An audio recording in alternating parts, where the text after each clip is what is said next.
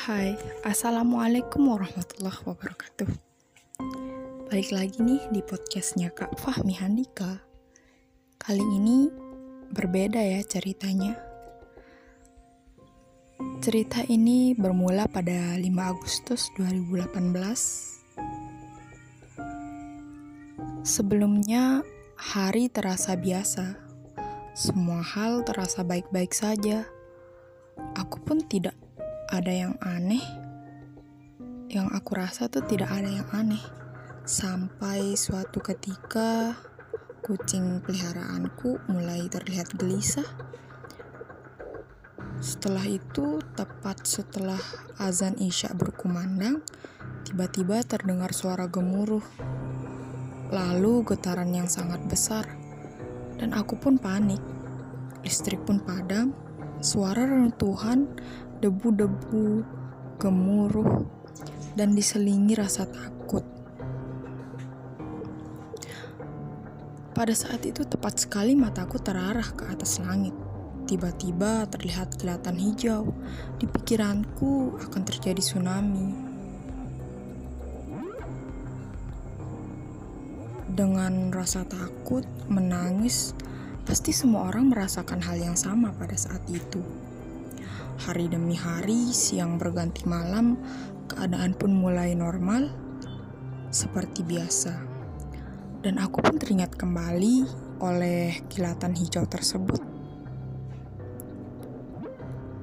Ada yang mengatakan, ada sebuah artikel yang mengatakan bahwa kilatan hijau itu merupakan kejutan gelombang elektromagnetik yang dihasilkan dari zona gempa bumi bahkan sampai ke lapisan ionosfer maupun menjadi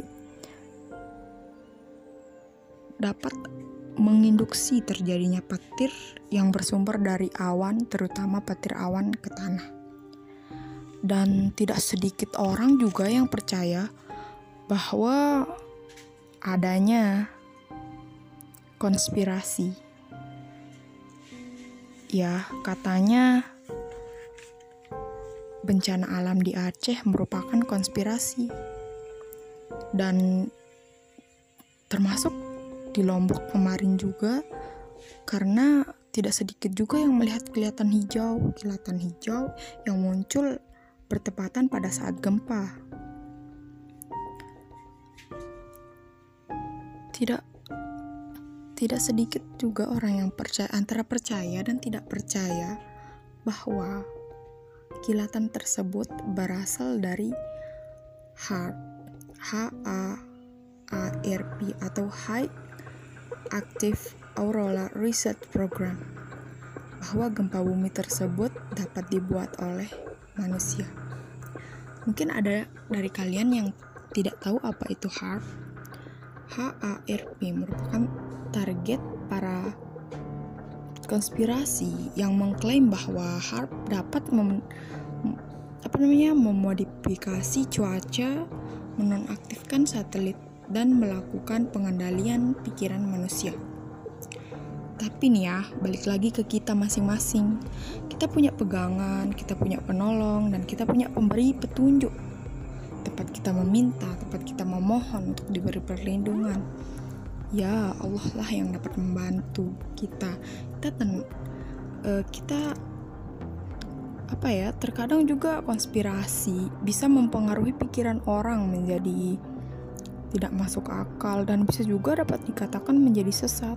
Dan itu balik lagi ke kita kita mau percaya atau tidak tentang adanya konspirasi tersebut kadang konspirasi itu menarik untuk menjadi pembahasan pembahasan atau apalah gitu ya buat kita omongin gitu. Dan apa pun yang terjadi apa pun yang menimpa kita kita kan tetap punya pegangan juga. Kita berpegang teguh pada keimanan kita.